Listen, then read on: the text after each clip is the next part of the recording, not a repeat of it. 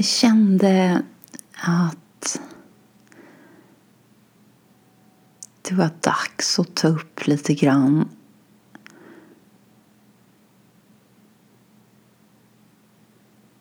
Hur i en, jag vet inte om vi ska kalla det för process, men när vi medvetet börjar att vända oss hemåt och inåt och tillbaka med vår uppmärksamhet och vila där så tycks det som om det successivt kommer upp en hel del frågor. Och många frågor låter vi passera. Men då och då så kommer vissa frågeställningar som vi upplever lite grann att vi faktiskt inte riktigt kan låta passera. De känns alltför relevanta och så stannar vi där lite grann och faktiskt också indirekt fastnar där. Och det kanske vi också lite grann är medvetna om men ändå så känns frågorna så pass relevanta och lite grann också avgörande. Vilket gör att vi, vi också lite grann väljer att uppehålla oss där. Och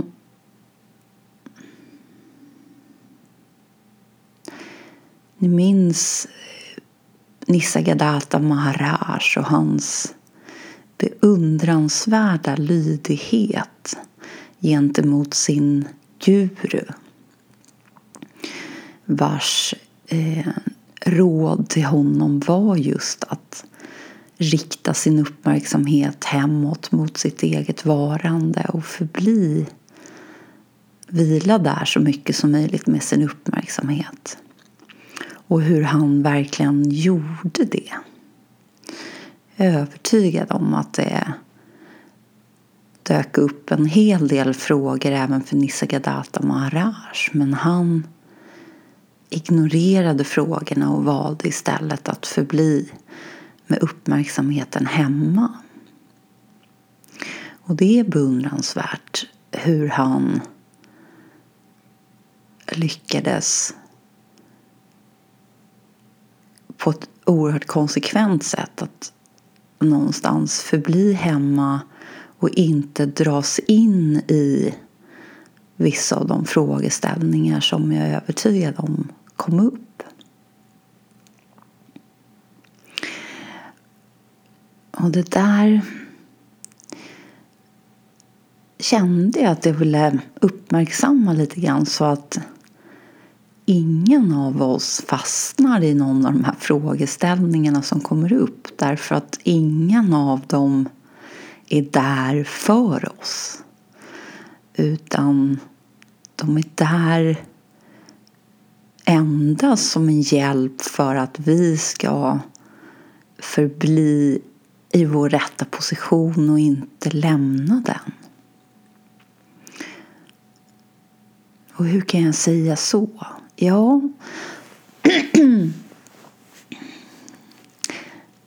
en liknelse skulle kunna vara att vi, vi har satt oss för att meditera. Äntligen har vi hittat utrymmet i vårt liv och vi har satt oss för att meditera. Och vi har bestämt oss för att nu ska ingenting störa oss under vår meditationsstund.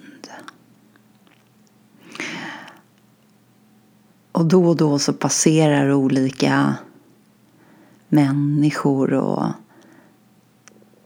någon kanske ställer en fråga om hur mycket klockan är och vad vi gör för någonting och varför vi gör det vi gör och så vidare. Men de här människorna och frågorna känner vi, de är inte svåra att ignorera. Men så kommer en förbi och undrar om vi sitter säkert? Är platsen vi har valt för att meditera verkligen säker? Den som är där nu säger att stenblocket som vi sitter på han har hört att det är en stor spricka i stenblocket och att det så småningom faktiskt skulle kunna falla sönder och också falla ner. Och den här klippan vi sitter på är en ganska hög klippa. Och då känner vi plötsligt att det här kan jag inte riktigt ignorera. Det här känns för viktigt. Nu får jag avbryta min meditation och verkligen byta ställe eller ta reda på om det som mannen säger faktiskt är sant.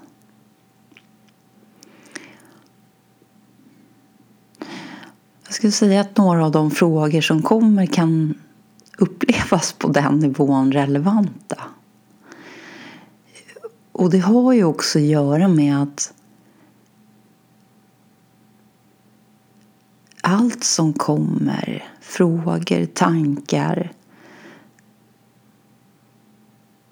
kommer ju någonstans från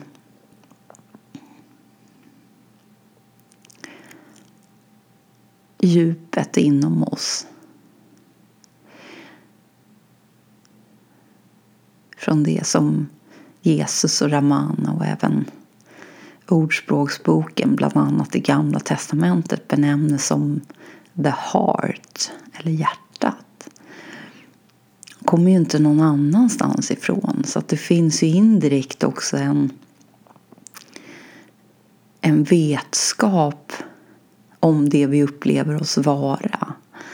Eh, total medvetenhet om vad som möjligen skulle kunna locka iväg oss. Och det gör ju någonstans att till en början kan det tyckas som om tankarna som kommer som också kan vara i form av frågor är där just för att vi ska misslyckas. Men Men efter ett tag om vi lite grann faktiskt förblir hemma och är konsekventa och någonstans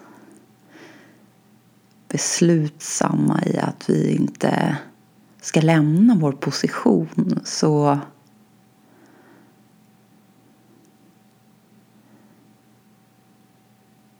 kan vi verkligen lite grann genomskåda skådespelet.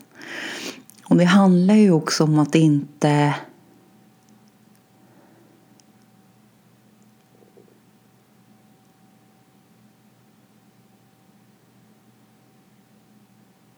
dras ut dit med vår uppmärksamhet. Att inte låta egentligen någonting rubba oss.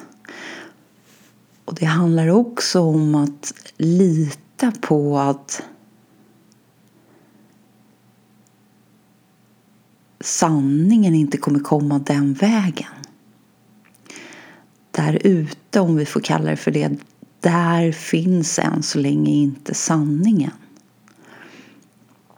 Så oavsett hur relevanta frågorna kan tyckas och kännas så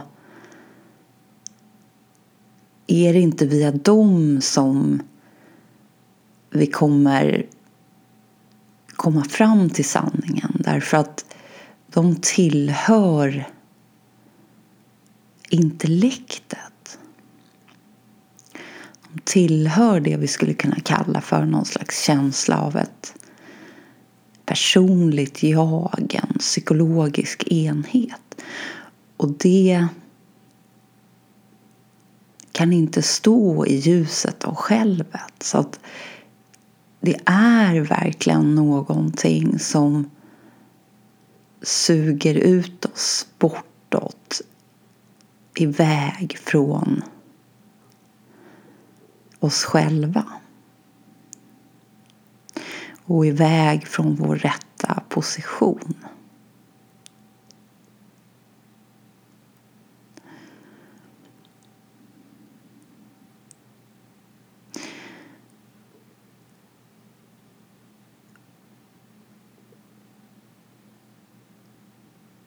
Och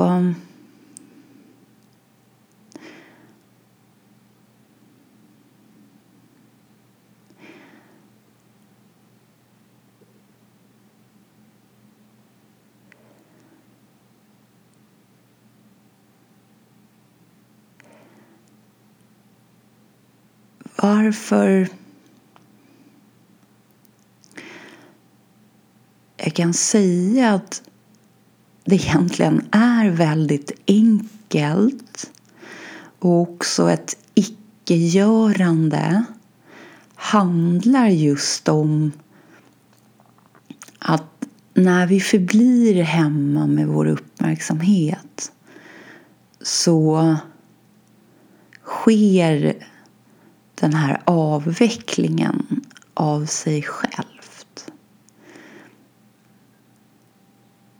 Utan att vi åtminstone medvetet upplever att vi egentligen gör någonting.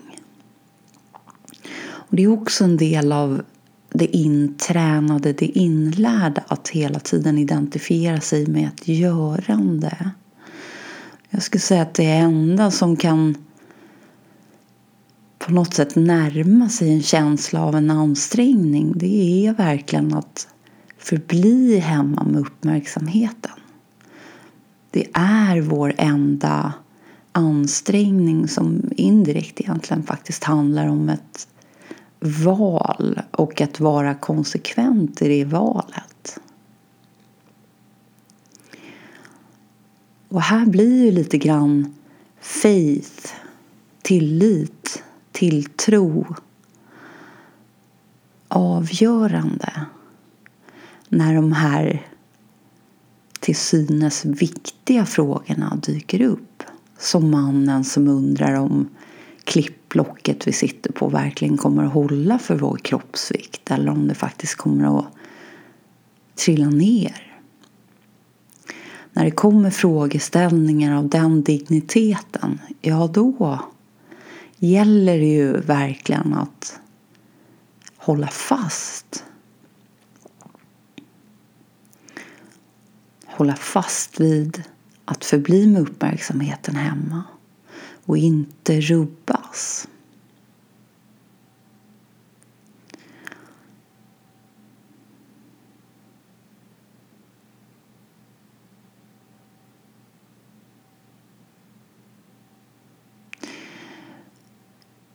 Och frågeställningar av den digniteten, ja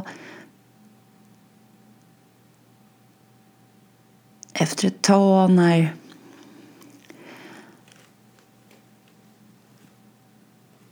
när vi har hört mångas frågeställningar och också lite grann karaktären på frågeställningarna som tycks uppehålla uppmärksamheten för många.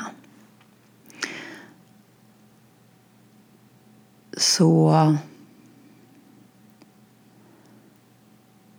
kan det dels handla om frågor som har att göra med kopplingar till världen och kanske framförallt familjen och de närmsta. Och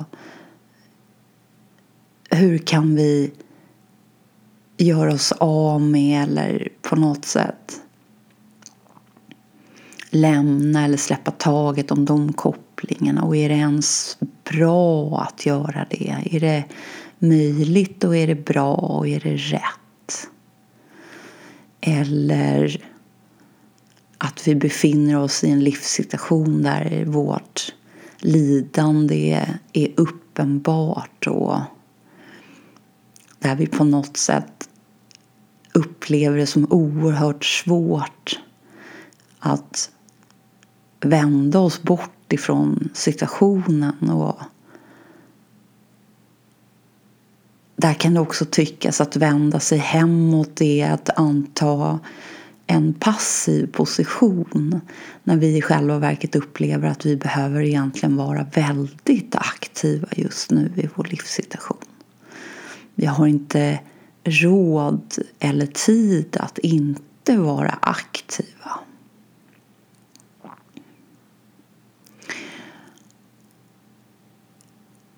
Eller att tankarna och frågeställningarna som dyker upp istället handlar om världen och världens lidande och att vi upplever att om vi vänder vår uppmärksamhet hemåt så vänder vi oss indirekt också bort från det som världen lider av. Kan det verkligen vara rätt? Kan det verkligen vara det högsta?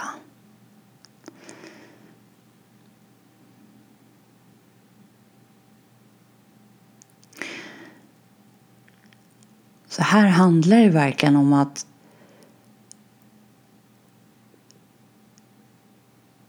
se igenom det här skådespelet och se igenom bluffen bakom. Och det kan till exempel göras genom att just förbli hemma med uppmärksamheten och tillämpa Ramanas den här self-inquiry lite grann genom att faktiskt också inom oss fråga vart, vart de här sakerna kommer ifrån. Var kommer tankarna ifrån? Var kommer de här frågeställningarna ifrån? Istället för att låta oss sugas in i dem och låta dem indirekt ta över oss innan vi så självklart köper dem för att de verkar så relevanta och så ofrånkomliga på något sätt. Att vi dröjer oss kvar lite grann till med uppmärksamheten hemma och faktiskt ser om vi kan ta reda på vart de kommer ifrån. Och även vem, vem de är ämnade för. Vem eller vad pratar de till? För bara om vi lyckas göra det så kommer någonting hända ganska snabbt.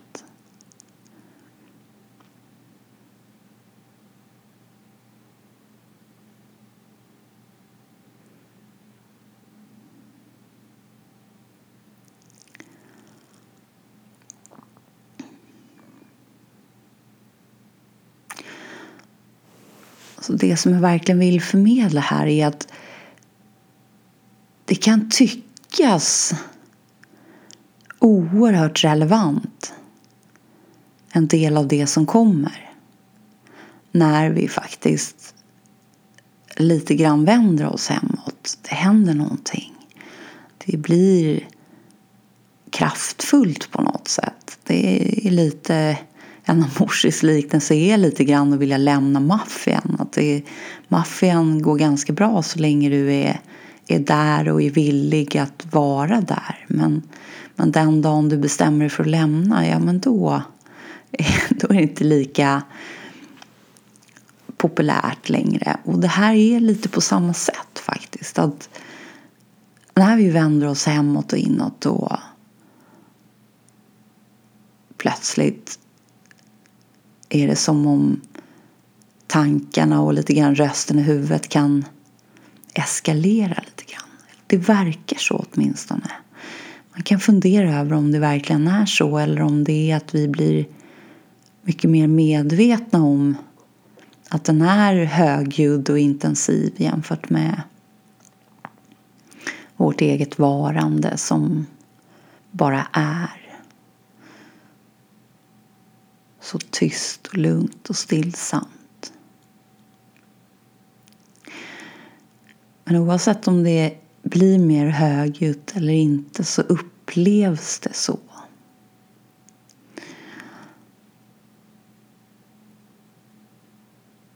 Jag skulle säga istället för att fastna i någon frågeställning som tycks oerhört relevant så i ett första skede försök att ta reda på vart den kommer ifrån och, och vem den ska till.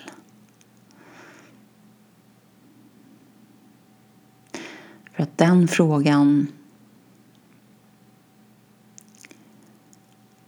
kommer indirekt att avslöja bluffen. Vi behöver inte egentligen veta någonting. Vi behöver inte först verifiera eller ta reda på. Därför att i samma sekund som vi upplever att vi behöver göra det, ja då har vi lite grann klivit av vår tillit, vår trust, vår faith.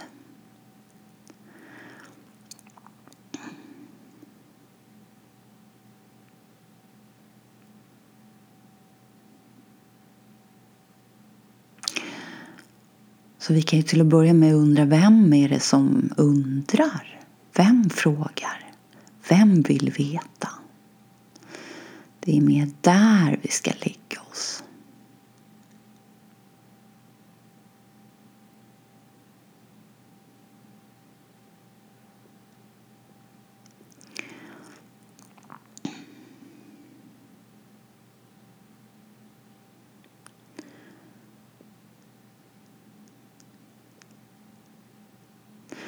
Så inklusive frågor som kanske kommer och handlar om varför upplysning?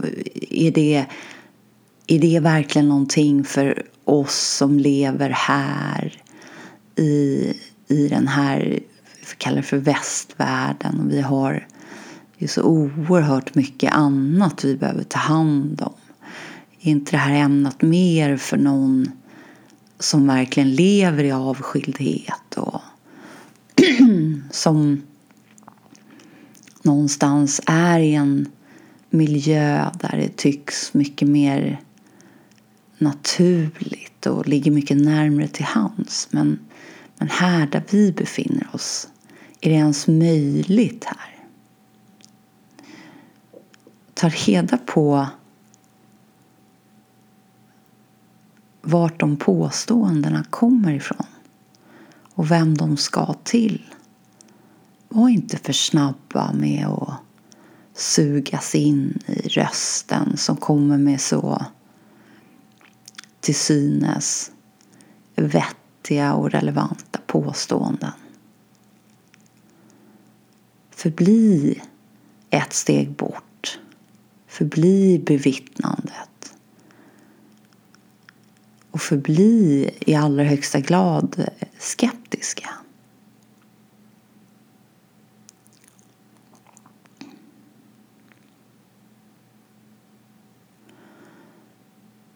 För att lyckas ni med det, ja då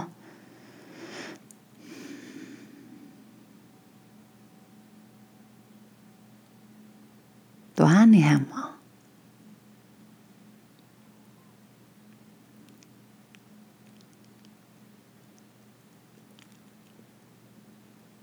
Och är inte längre en tanke bort.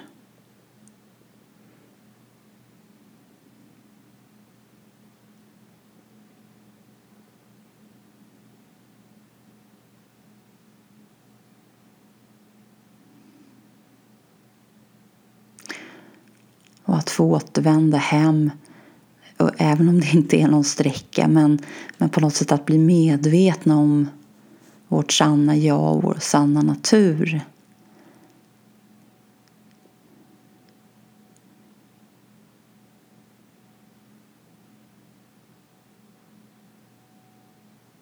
Varför skulle det inte vara det absolut högsta och det allra, allra viktigaste för alla? Varför skulle det vara få förunnat? Och varför skulle det gå emot att också samtidigt vara kvar och verka i det vi kallar för världen? Det är endast en inre position med vår uppmärksamhet vi pratar om här. Det är ju inte någon person som ska lägga ner allting. Det är ju personen vi ska backa ut ifrån.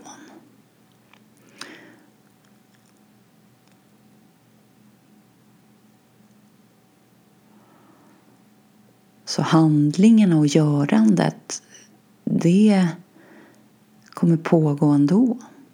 Kommer inte att upphöra. Allt handlar om här var, var vi inom oss befinner oss med vår uppmärksamhet.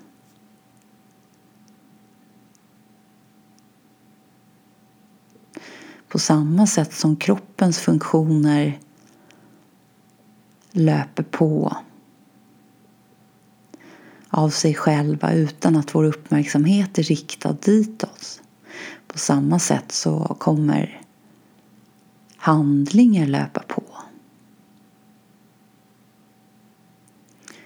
Oavsett om vi är där och identifierar oss eller inte.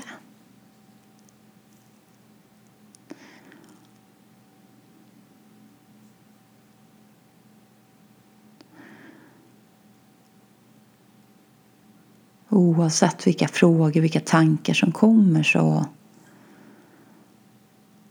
börja med att syna dem. Börja med att se var, vart kommer de ifrån? Hur uppstår de och vem ska de till?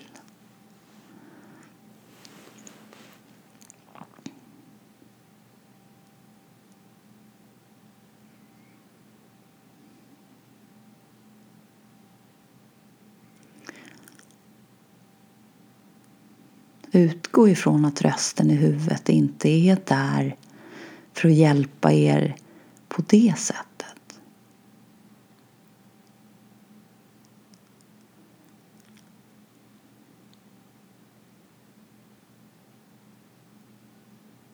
Alla tankar, alla frågor kommer någonstans ifrån djupet inom oss, från vårt hjärta. Och tills dess att hjärtat har rensats ifrån alla falska sanningar som vi har burit på så länge så kommer det orena att dyka upp, det som inte tjänar vårt högsta. Så för att den här städningen och utrensningen ska kunna ske så vår motprestation är just att inte uppehålla oss, inte fastna. Därför att då stoppar vi upp och stannar vid den utrensnings och reningsprocessen.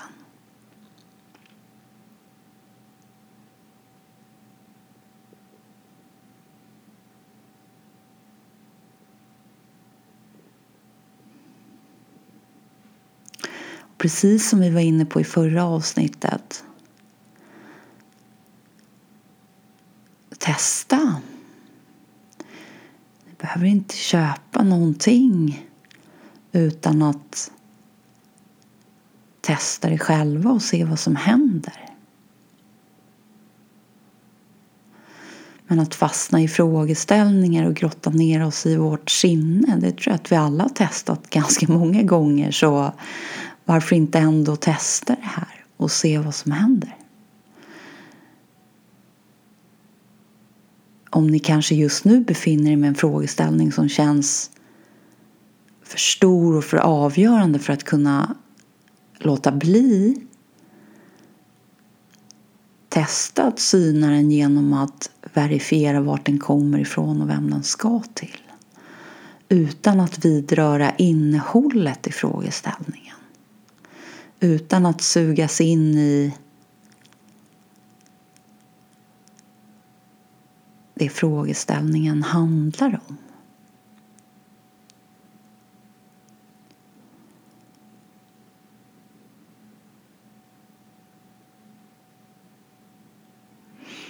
Och ni kan säkert se tillbaka på era liv och se hur olika sådana här större frågeställningar har bytt ut varandra under åren. Och i stunden har de verkligen känts livsavgörande och oerhört viktiga. För att strax bytas ut mot någonting annat. Så vi kan nog mer se mönstret i att det ständigt har funnits en eller flera stora frågeställningar där som har dragit in oss och stulit vår uppmärksamhet och fört oss bort ifrån nuet och ifrån det som är. Det är mönstret snarare än just frågeställningarna.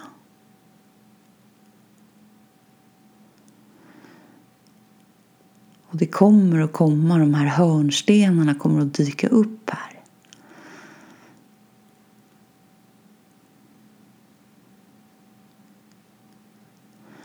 Det är verkligen part of the play.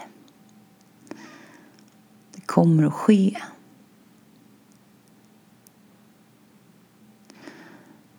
Men jag säger låt er inte distraheras av vad som kommer utan förbli istället på nivån vart kommer det ifrån och vart ska det någonstans?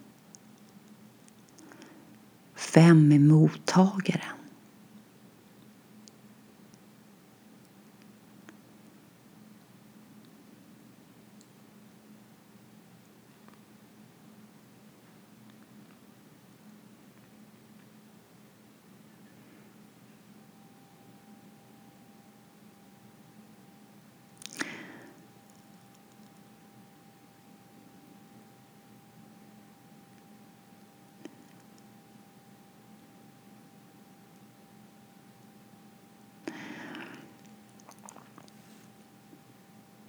Vapnet här är verkligen att förbli med uppmärksamheten hemma.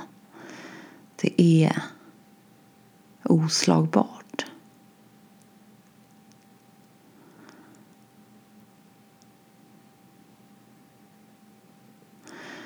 Och som vi känner till och är medvetna om så kan ju vår uppmärksamhet vara riktad samtidigt åt flera olika håll. Vi kan vara medvetna om inuti kroppen och utanför kroppen samtidigt. Vi kan vara medvetna om det som försiggår inom oss i form av tankar och känslor och samtidigt vara medveten om någon som vi uppfattar som en annan person. Så uppmärksamheten kan lätt splittras. Det handlar om att centrera den här, återkalla den hem. Återkalla alla trådar av uppmärksamheten tillbaka hemåt, inåt. Till vårt centrum, vårt eget varande. Och när vi upplever att det kommer en frågeställning eller en tanke som inte vi kan låta passera, ja då är ju delar av uppmärksamheten där ute behöver vi kalla hem den. Och genom att fråga vart det kommer ifrån och vart det ska, ja då har vi kallat hem uppmärksamheten plötsligt. Då har vi kallat hem den till att befinna sig ett steg före, ett steg bakom.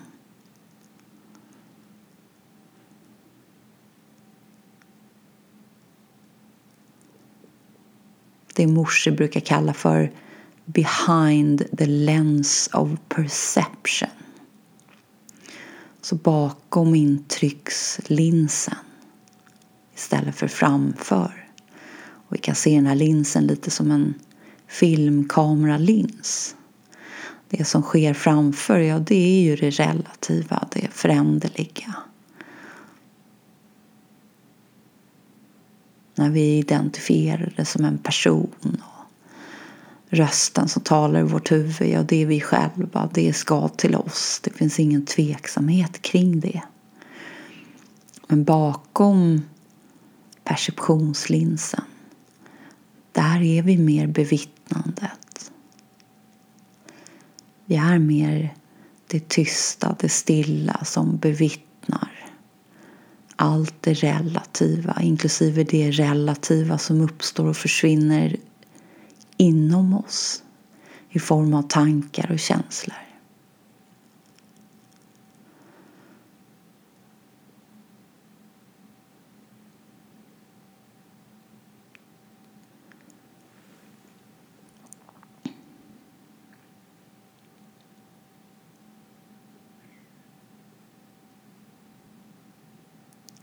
Och på samma sätt som att tankar och känslor kan locka på vår uppmärksamhet och till en början distrahera oss så kan även fysisk smärta göra det. Och fysisk smärta är ju faktiskt, vilket vi har varit inne på tidigare och många gånger kan upplevas som att den går inte att bortse ifrån överhuvudtaget. Den är för där, den är för närvarande. Och i vissa fall så stämmer verkligen det. Blir vi slagna eller det verkligen händer någonting, ja, då är smärtan total och den är det är i stort sett det enda vi, vi kan ha vår uppmärksamhet riktad på därför att den går inte att komma förbi. Men i många fall så är smärtan kanske någonting som vi har där ständigt eller som är där för att stanna ett tag. Och jag tror att vi alla kan relatera till att till exempel vara förkylda eller har huvudvärk och hur vi i vissa stunder om vi kanske pratar om något roligt eller tittar på någonting som känns väldigt intressant eller gör någonting som vi verkligen är förtjusta i att göra. Att det i den stunden faktiskt inte riktigt är särskilt närvarande därför att vår uppmärksamhet är riktad åt ett annat håll. Så även det där handlar om hur mycket av vår uppmärksamhet som vi riktar åt det hållet. Ger vi vår huvudvärk i stort sett hela vår uppmärksamhet, ja men då är den ju verkligen påtaglig och närvarande. Väljer vi att rikta uppmärksamheten lite grann åt ett annat håll, ja då är den mer i bakgrunden lite. Den finns där men den är inte lika, lika mycket i förgrunden och den är inte heller faktiskt lika kraftfull.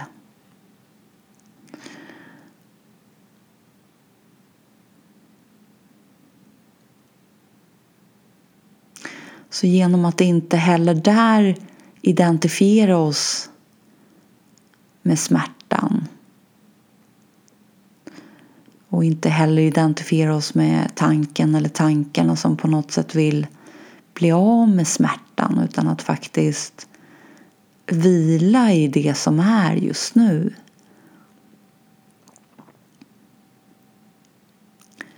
Så kan vi plötsligt uppleva en distans mellan det vi är och där smärtan är.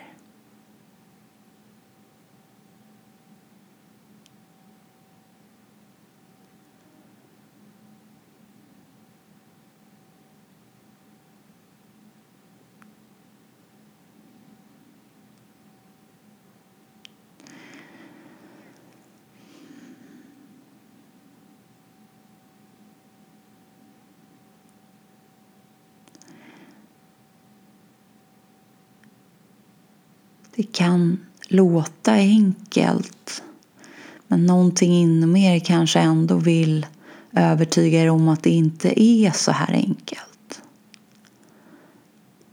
Men i sanning, det är enkelt.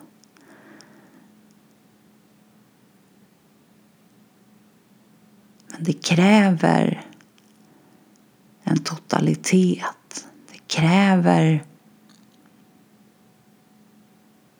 en ambition som handlar om att faktiskt våga stå kvar där en stund. Att inte så fort någonting dyker upp falla tillbaka. Och alla ni som har brutit en vana någon gång i era liv vet att Banans makt är stark, men den är också starkast i början. Så lyckas vi klara av att hålla fast och hålla i till en början så tycks det som att vi sen faktiskt successivt får hjälp. Och det är precis samma här. lyckas vi bara till en början så känns det som att någonting lite grann faktiskt bär oss genom processen. Och att lämna kopplingar till världen, det är ingenting som vi på ett personligt plan behöver ta hand om.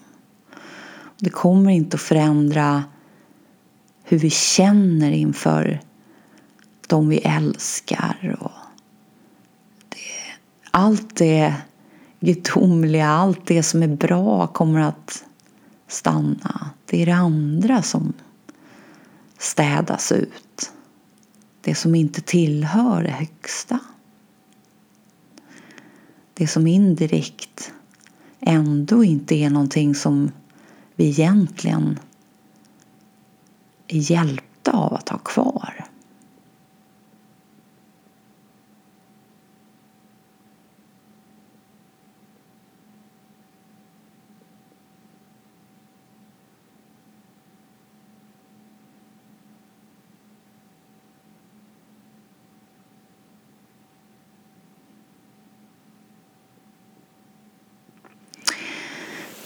Jag eh, nämnde ju Swami Satchitananda igår. Och jag har egentligen inte läst någonting av det han har skrivit. Och jag vet att han var något som kallas för yogi. Och det är ju som vi vet idag väldigt många olika vägar till det vi skulle vilja kalla för målet. Och hans väg och den han stod för handlade om yoga och yogautövande som ju också indirekt spiller över på allt i livet, alla handlingar och allting. Och vara total i allt vi gör och med full medvetenhet och full närvaro. Så jag hittade en kort bok som fanns tillgänglig på en hemsida som var uppkallad efter hon, hans namn. Eh, och jag skummade lite och fick känslan av att det, det vi pratar lite grann om här som att förbli med vår uppmärksamhet hemma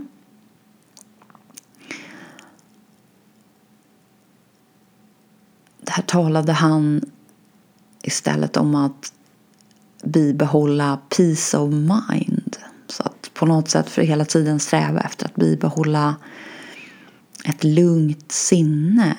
Egentligen till slut no mind. Alltså där vi inte är medvetna om tankarna och det utan vi, vi är hemma.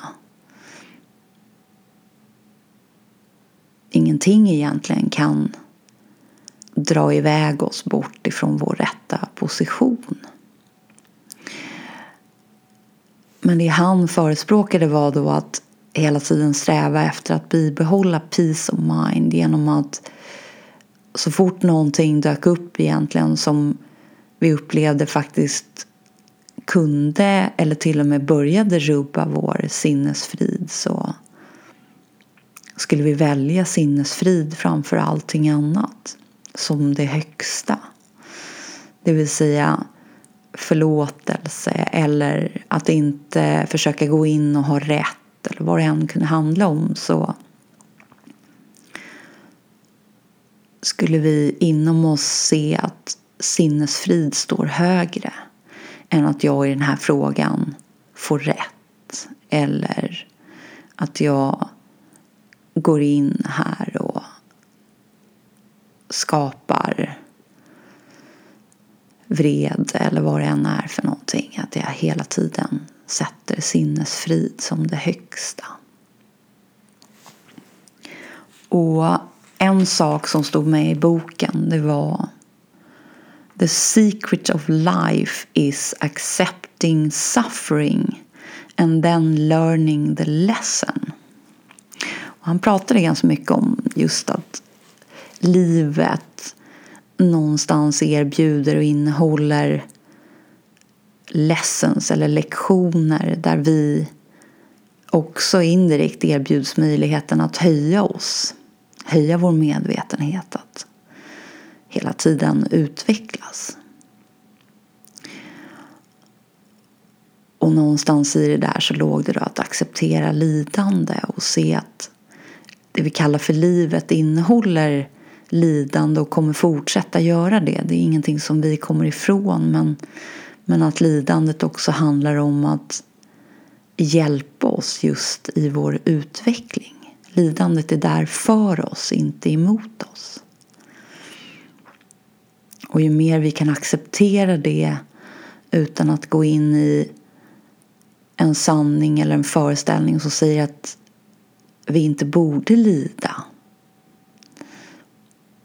Att vi istället har förhållningssättet att livet på många sätt innebär lidande.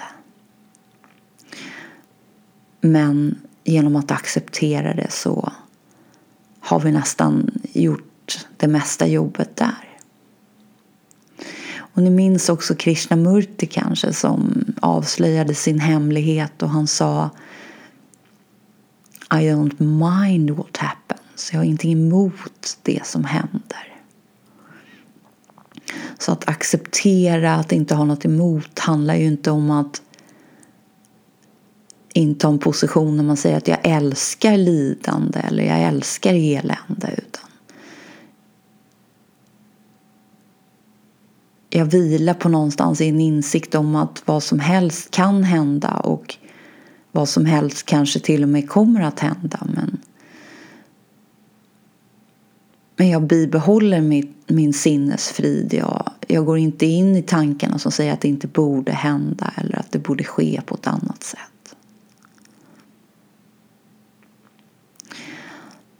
Jag skulle säga att det handlar verkligen om precis det som vi upplever när vi förblir hemma med vår uppmärksamhet. Att när vi inte är identifierade så vem kan ha en åsikt?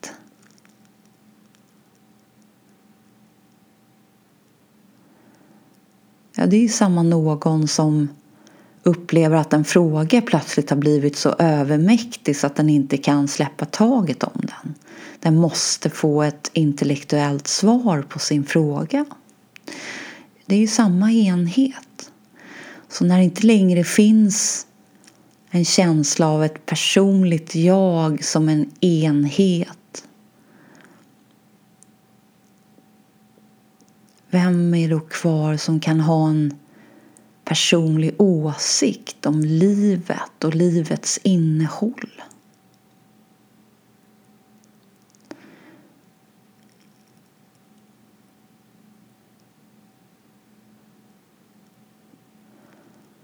Så till och med acceptans eller att inte ha något emot, det blir icke-frågor.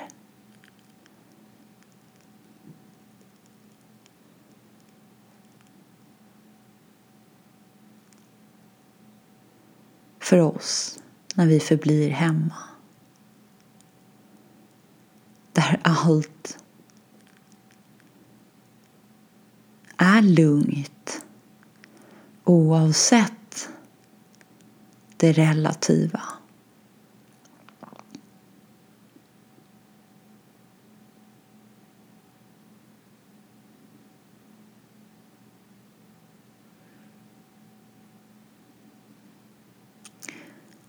Så jag säger nu, fastna inte i frågorna och har ni redan, låt dem vila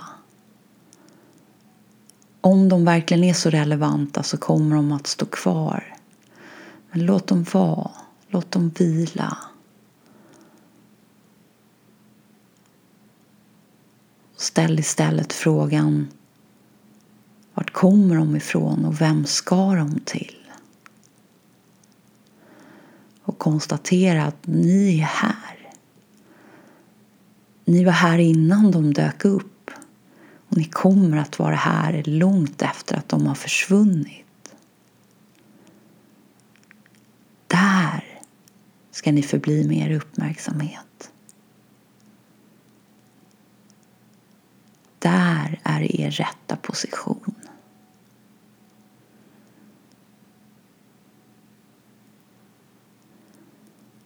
Och låt istället pappa G's enkla visdom bli er ledstjärna. Nothing ever happens